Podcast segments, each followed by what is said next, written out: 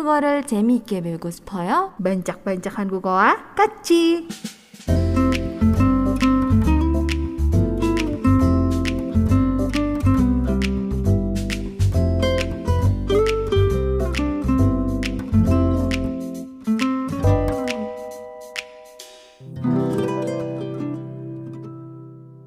Saatnya belajar.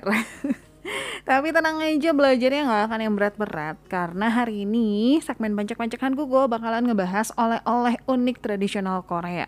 Ini yang tradisional ya guys, oleh-olehnya. Kalau misalnya modern mungkin kayak uh, merchandise dari idol kesayangan kamu atau uh, makanan ataupun minuman itu kayaknya udah mainstream ya gitu. Hari ini kita bakalan bahas yang tradisional. Ayo, siapa yang udah kangen banget pengen traveling terutama ke Korea atau mungkin uh, beberapa tahun kemarin kamu sempat ngerencanain pengen ke Korea eh tahunya pandemi COVID-19 jadi nggak bisa pergi nah sambil mengobati kekangenan kalian sama Korea Selatan yuk kita pilih-pilih dulu yuk oleh-olehnya kalau misalnya nanti kalian ke Korea jadi kalian udah tahu nih kira-kira bakalan beli apa untuk uh, oleh-oleh tradisionalnya gitu. Apakah mau hanbok kah? Tapi kemahalan kayaknya ya. Tapi bagus loh sebenarnya hanbok itu. Atau misalnya kosmetik atau pernak-pernik K-pop merchandise dari idol kesayangan kamu ya itu juga udah biasa sih um, mungkin beberapa hal beberapa barang yang nanti bakalan aku bahas itu bisa masuk ke list kalian untuk nanti kasih oleh-oleh supaya oleh-oleh kalian itu lebih unik lebih uh, ya beda aja gitu daripada yang lain ya enggak? Oke langsung aja yang pertama. Oleh-oleh unik yang bernuansa tradisional. Yang pertama adalah hanji. Hanji. Ini jenis kerajinan tradisional Korea yang menggunakan kertas ceritanya Jadi hanji ini dijuluki sebagai kertas kehidupan jadi bentuknya tuh nggak kayak kertas yang dibuat menggunakan bahan sodium hidroksida, Kertas Korea ini dibuat dari kulit pohon mulberry yang dinamakan comok. Ada tiga jenis tanaman pohon mulberry di Korea, jadi ini tuh tergantung dari kondisi iklim di mana mereka tumbuh. Setiap jenis pohon mulberry itu mampu menghasilkan jenis kertas yang berbeda-beda. Untuk pohon mulberry mayopjong yang sebagian besar tumbuh di wilayah tengah Korea itu punya ciri khas. Teksturnya tuh keras tapi tipis terus uh, kandungan seratnya juga sedikit gitu. Jenis ini digunakan untuk kertas lantai, ya. Terus kalau untuk jenis yoyojong itu memiliki kulit kayu tebal dengan serat panjang dan lembut. Nah, kalau untuk yoyojong ini digunakan untuk kertas kaligrafi. Hanji sering banget dijadikan sebagai penutup pintu dan juga jendela. Kenapa? Supaya ruangan tersebut tetap hangat meskipun musim dingin. Selain itu, Hanji juga bisa dijadikan boneka kertas, dijadikan tas, kemudian lampu meja, kipas, baju, payung, jendela, uh, dinding, pintu rumah, gulungan kaligrafi, dan hiasan lainnya. Ini kalau aku bayangin kayaknya ya, uh, ini tuh kalau misalnya kalian nonton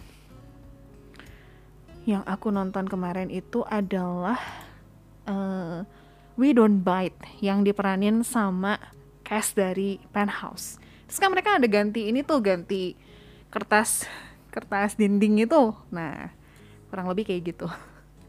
Kalau misalnya kalian gak kebayang coba deh nonton ada di view itu lumayan menghibur sih variety show itu ya kalian bayangin aja biasa kan uh, si cast penthouse itu kalau di penthouse identiknya tuh kayak uh, antagonis banget ya tapi kalau misalnya di variety show We Don't Bite ini tuh komedi banget ya mereka tuh Oke, okay, kita balik lagi ke Hanji ya. Warna Hanji itu banyak banget pendengar. Terus proses pembuatannya juga cukup rumit ya. Jadi kertas yang udah digunakan sejak 16 abad yang lalu ini disebut-sebut bisa bertahan sampai 1000 tahun. Tapi dengan catatan kalau kualitasnya baik ya. Karena kertas ini tuh nggak pernah ditemui di Indonesia, makanya buat kamu yang berencana untuk pergi ke Korea, terus pengen cari oleh-oleh yang unik gitu ya, mungkin bisa dicari Hanji ini ya. Nah kalau misalnya kamu pengen cari, cari di mana dong? Carinya tuh bisa di Hanji Chok di Insadong. Selain belanja barang-barang dari Hanji, di tempat ini juga kamu bisa ngikutin kursus untuk membuat Hanji. Nah, liburan kamu makin bermakna lagi tuh.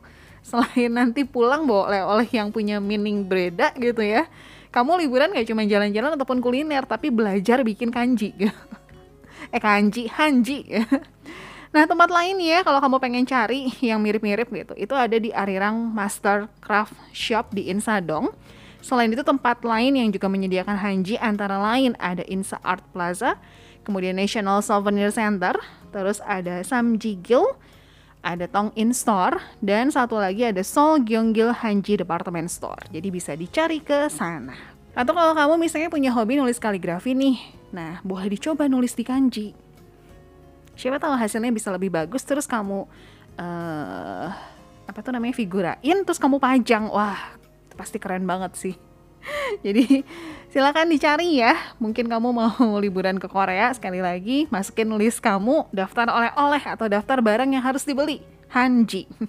Next selain Hanji ada boneka kertas duck. Ini kalau aku lihat gambarnya serem loh. Tapi unik sih dan kalau misalnya kamu senang boneka-boneka pajangan gitu ya yang uh, bentuknya kayak manusia kan ya maksudnya ada beberapa yang takut gitu kalau misalnya lihat boneka yang bentuknya tuh manusia gitu. bentuknya orang lebih suka misalnya kayak uh, yang hewan gitu. Nah kalau kamu suka dan uh, koleksi gitu boneka-boneka ini nah kamu bisa cari boneka kertas duck. Jadi ini tuh beda dengan hanji ya. Walaupun sama-sama dari kertas tapi kertas duck ini bentuk lain dari kerajinan kertas di Korea Selatan jadi kertas ini terutama digunakan untuk membuat patung atau boneka. Kertasnya itu terbuat dari pohon murbei. Terus um, teksturnya tuh sangat lembut sehingga sangat mudah untuk membentuk ekspresi wajah. Kertas dak sudah digunakan untuk membuat boneka selama berabad-abad. Boneka-boneka ini terlihat menggemaskan dan memakai pakaian tradisional Korea. Ya memang lucu sih, tapi agak serem juga.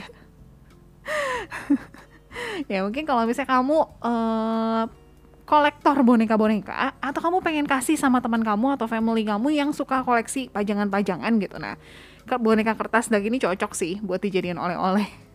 Oke okay, satu lagi. Ya di segmen ini oleh-oleh tradisional khas Korea adalah henna ala Korea. Kalau sekarang kan musimnya tuh ini ya kutek atau nail art atau stiker atau pakai kuku palsu gitu ya. Tapi kalau misalnya kamu pengen yang lebih tradisional, kamu harus cobain henna ala Korea. Um, ya, yeah, kalau kita ngomongin soal kecantikan kuku, sekarang itu kayak udah jadi pelengkap penampilan dari perempuan ya gitu. Tapi buat mereka yang masih pelajar, kadang ya nggak bisa menerapkan ini karena aturan sekolah untuk itu, banyak banget siswi di Korea Selatan akhirnya mengganti cat kuku atau kutek itu dengan henna supaya terlihat lebih natural. Menggunakan henna pada tangan, uh, kuku, dan rambut selama ini seakan identik dengan tradisi Arab dan India. Padahal ternyata kalau kita pelajari lebih lanjut, pewarna alami ini juga ditemui di Korea Selatan.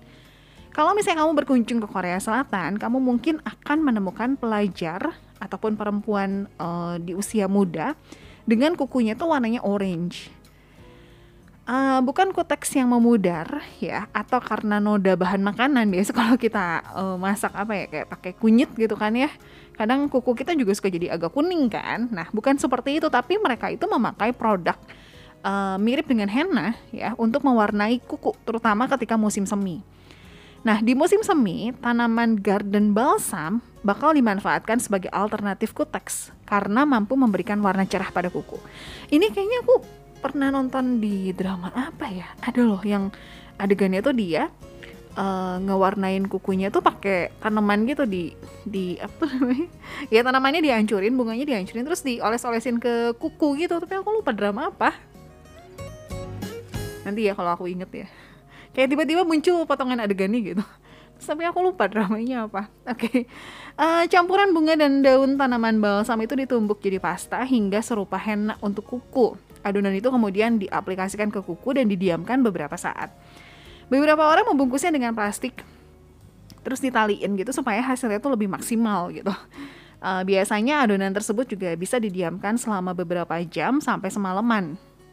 Nah, setelah proses itu selesai, kuku pun akhirnya jadi warna orange gitu atau bernuansa peach lah gitu kalau nggak terlalu ini banget ya, nggak terlalu uh, pekat banget ya warnanya peach. Karena warna yang dihasilkan itu memiliki nuansa peach inilah sehingga kegiatan pewarnaan henna ala Korea ini disebut dengan Boksunga Muldulgi yang berarti pewarnaan buah peach atau persik.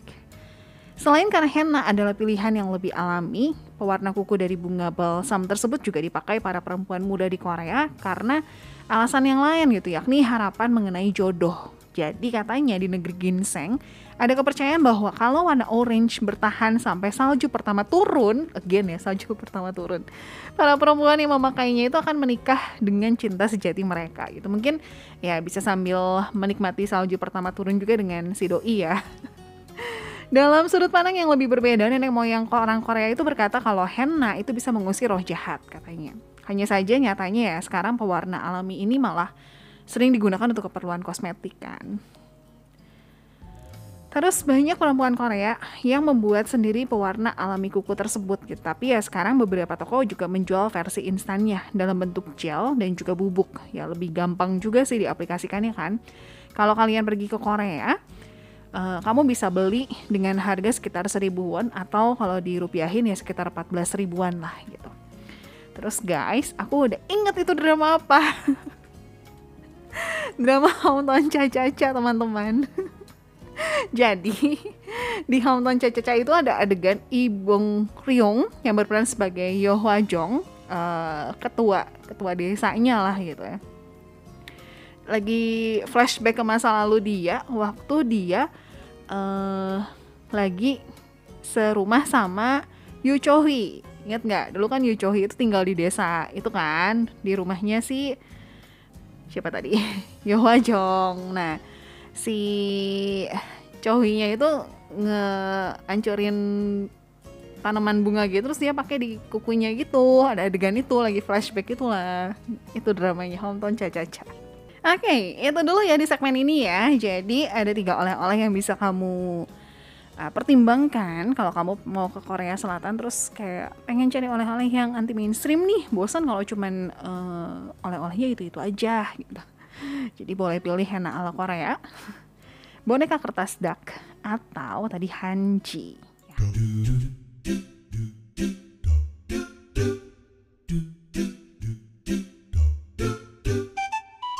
청취자 여러분, 감사합니다. 반짝반짝 한국어는 여기까지입니다. 야! 아이고.